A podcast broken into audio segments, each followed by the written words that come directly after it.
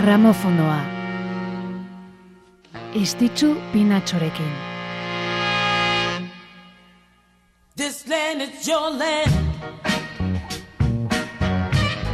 This land is my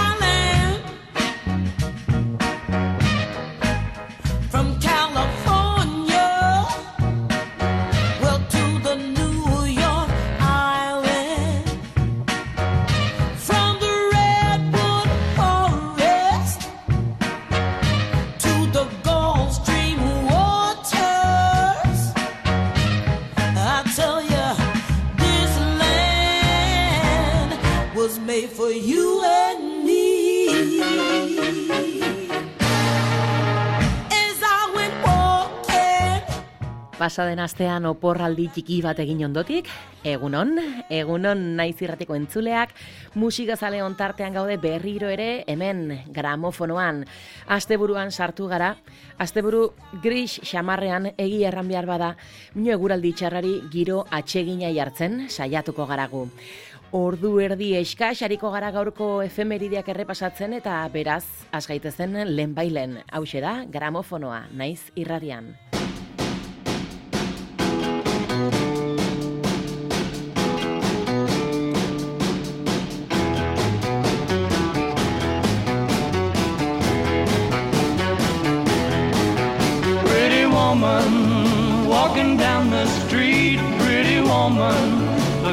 Like to meet, pretty woman.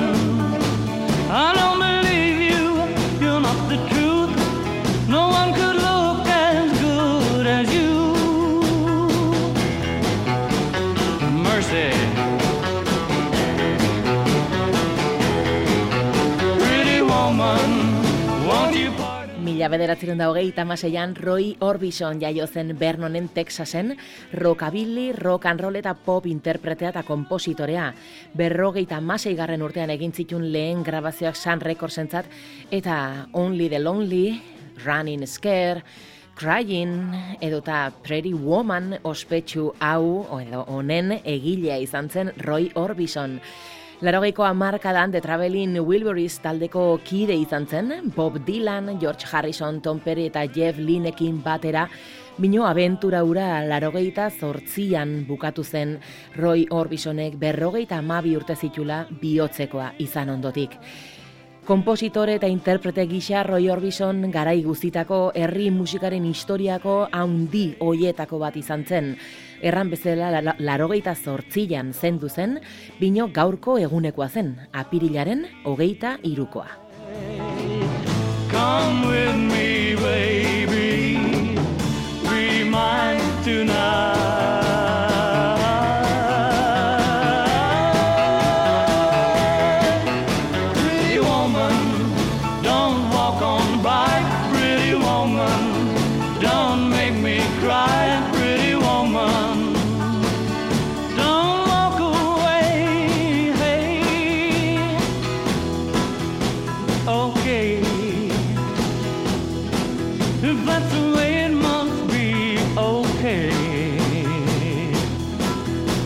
I'll go on home. It's late. There'll be tomorrow night. But wait, what do I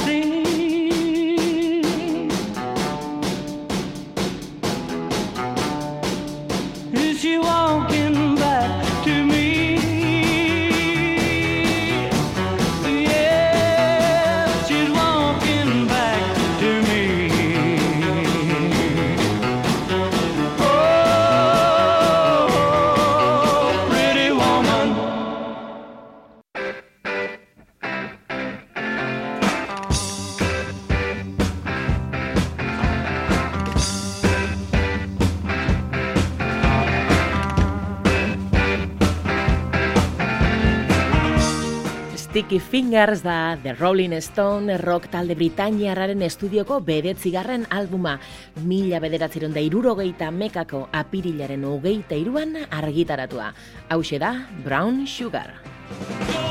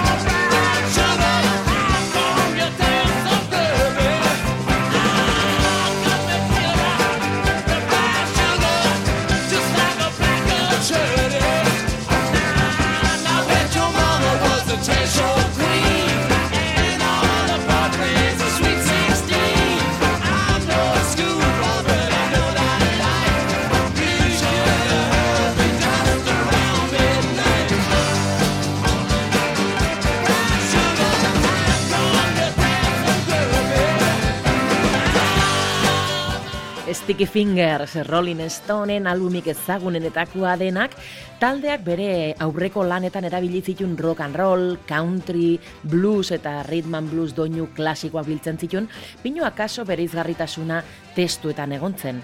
Esklabutza, sexua eta drogen erabilerari buruzko letra ilunagoak sartu baitzituzten album salduenen zerrendako lehen postua lortu zuen Sticky Fingersek eta sekulako kritika onak jaso zitun. Kritikari haunitzen ustez, taldearen lanik onenetako bat izan zen, pino ez hori bakarrik, musika garaikideari dagokionez, egon den diskorik onenetakoen artean sailkatu baitute. Azala, Andy Warhol pop mugimenduaren lider ezagunak diseinatu zuen, eta gainera lehenbiziko aldiz Rolling Stoneen irudiaren mingaina eta Espainen logotipo ezaguna erabili zuten. Berrogeita ameka urte beraz Sticky Fingers diskoak. Bad Finger, rock talde galestarra orain, honen izena da Baby Blue. Guess I got what I deserve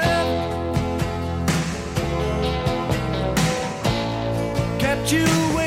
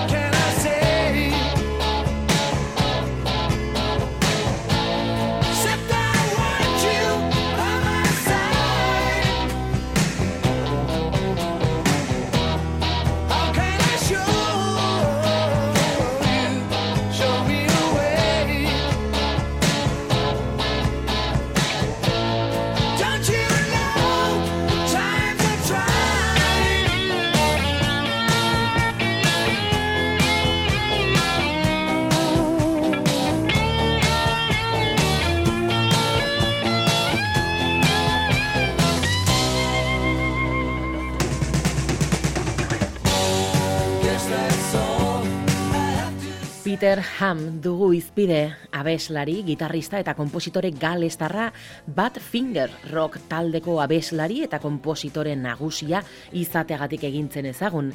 Eta taldearentzat No Matter What, Day After Day edota aditzen ari garen Baby Blue bezalako abestiak ere idatzi zituen.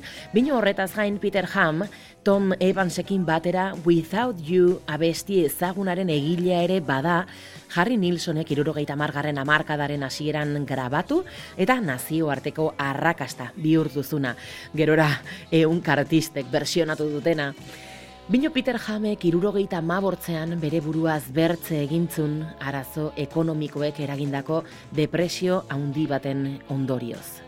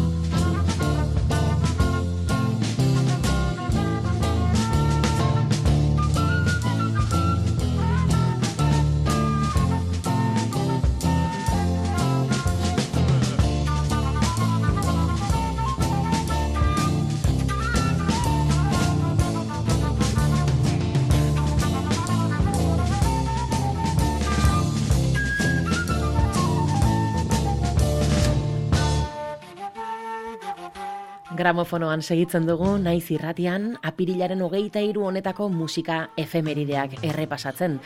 Eta aditzen dugu nause jezorotul, Britainia handiko rock progresiboko musika talde zoragarria.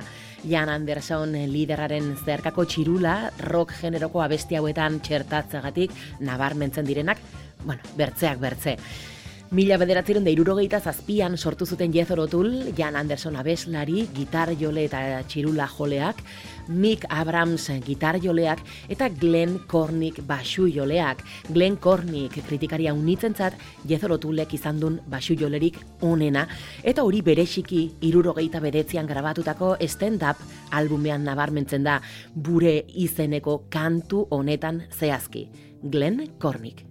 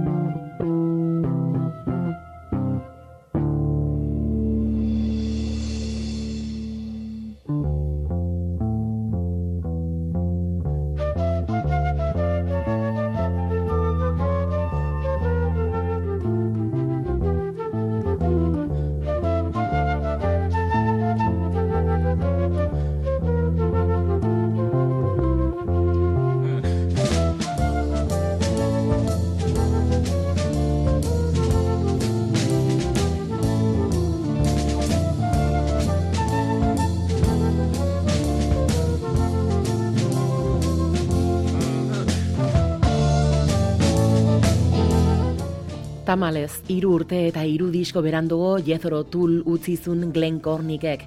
Gerora bertze gauza interesgarria unitz ere egin zitun, 2000 eta amalaugarren urtean bihotzeko arazoak zirela eta zendu zen arte.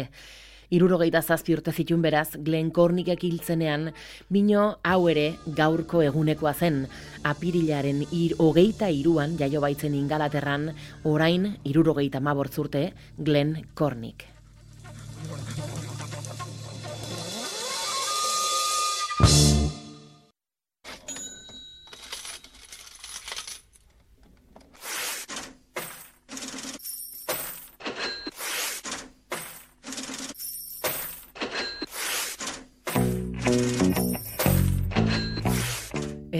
Eta azerolako kantutzarra hause, klasiko bihurtuta aurkezpenik biharreztuena ere, Pink Floyd.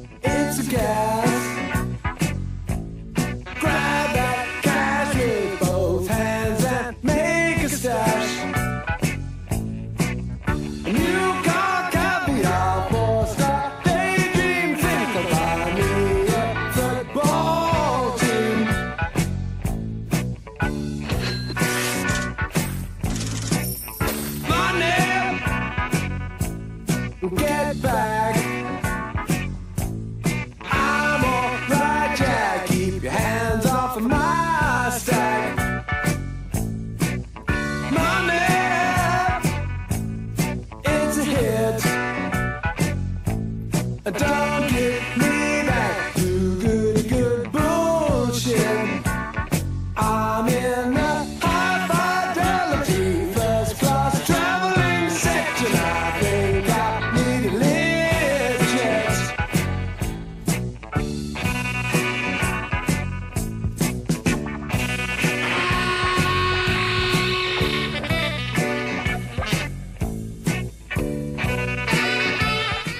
Money, Pink Floyd taldearen kanturik ikonikoenetakoa. The Dark Side of the Moon disko kontzepto lan ezagutu genuena, taldearen estudioko zortzigarren disko hartan. Garaiko grabazio teknika aurreratuenetako batzuk erabili zituzten, album hau grabatzeko, multipistak, lupak eta sintetizadore analogikoak bertzeak bertze. Bino utzitazue azaltzen, zergatik ekarri dugun gaur disko hau gramofonora. Jakina da, The Dark Side of the Moon honek sekulako arrakasta izan zula, hain bertzekoa estatu batuetako billboard zerrendetan, hau da, asteko salmenten kopuruaren arabera diskoak sailkatzen dituen zerrendan, lehen postua lortu zuela berehala. Bino, datu honek tontakeria iduri du orain kontatuko dizuedanaren onduan. Kontua da, zerrenda honetan sartuta, The Dark Side of the Moon albuma, zazpireun eta berrogeita bat astez jarraian mantendu zela bertan. Hau da, zazpireun eta berrogeita bat astez, edota hobeki ulertzeko amabortz urtez, izan zen Pink Floyden disko hau, astero-astero, estatu batuetako eun diskorik salduenetako bat izugarria. Gaur bezalako egun batez, mila bederatzeron da laro gehieta zortzian, aterizen diskoa Billboard zerrendatik, musikaren historian denbora gehien emandun albuma bilakatuz.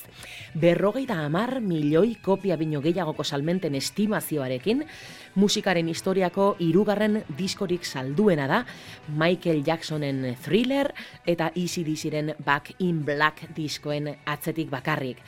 Bere arrakasta komertzialaz gain, The Dark Side of the Moon kritikak goraipatua izan da, rockaren eta musika modernoaren historian egindako lanik onenetakotzat hartuz.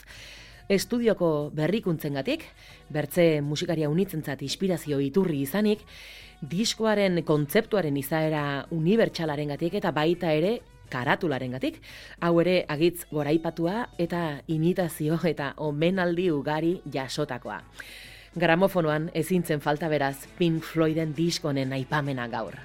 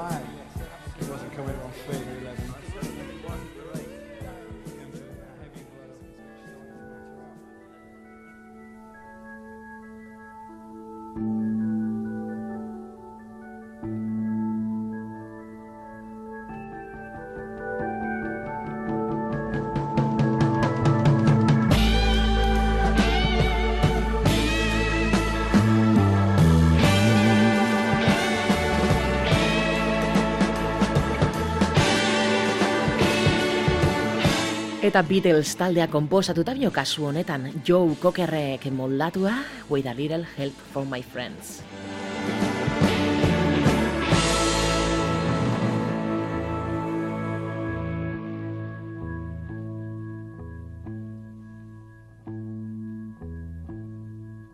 What would you do if I sang out of tune? Would you stand up and walk out on? Lend me your ears and I'll sing you a song. I will try not to sing out of key. Yeah. Oh, baby, how you All I need is my buddy. I say I'm gonna get high.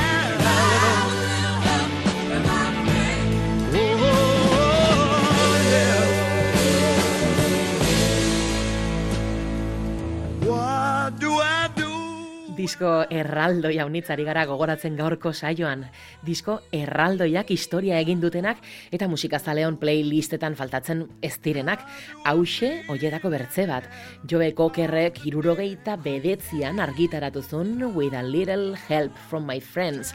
Eta lan hartatik hainbat single argitaratu zitun, Gerora ezagunena egin dena akaso John Lennon eta Paul McCartney idatzitako kantu honetatik Joe Cockerrek egindako moldaketa zoragarri hau. Gaur bezalako egun batez kaleratuzun diskoa, beraz, honek ere urteak betetzen ditu gaur. Berrogeita amairu urte, with a little help from my friends honentzat.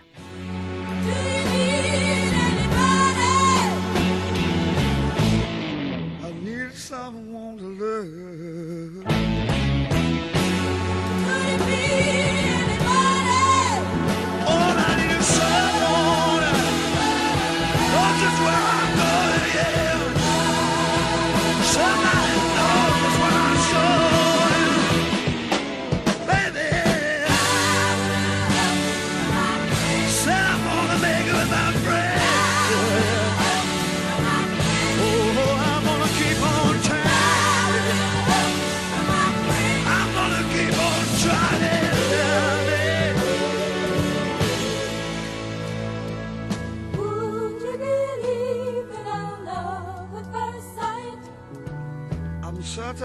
happens all the time. Yeah. What do you see when you turn out the light? I can't tell you, but it sure feels like midnight. Don't you know I'm gonna make it with my friends? I promised myself I'd get back. Said I'm gonna try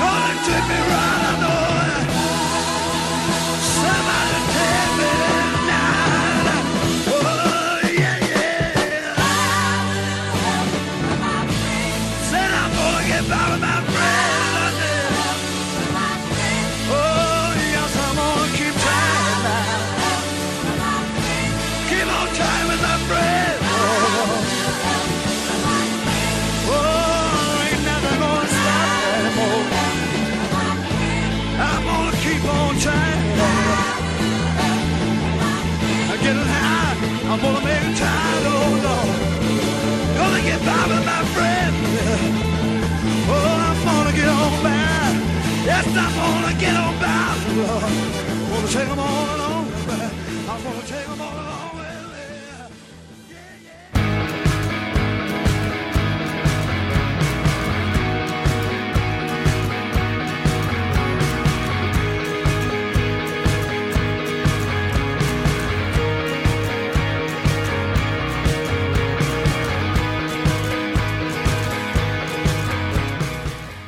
Olako subidoiakin bukatuko dugun gaur oraindik goizeko amarrak ez direla kontutan hartzen badugu gainera.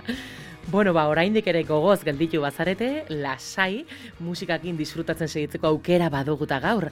Asteburua da, larun bata eta asteburuek, bueno, beti izaten dute ez, kontzertu usaia.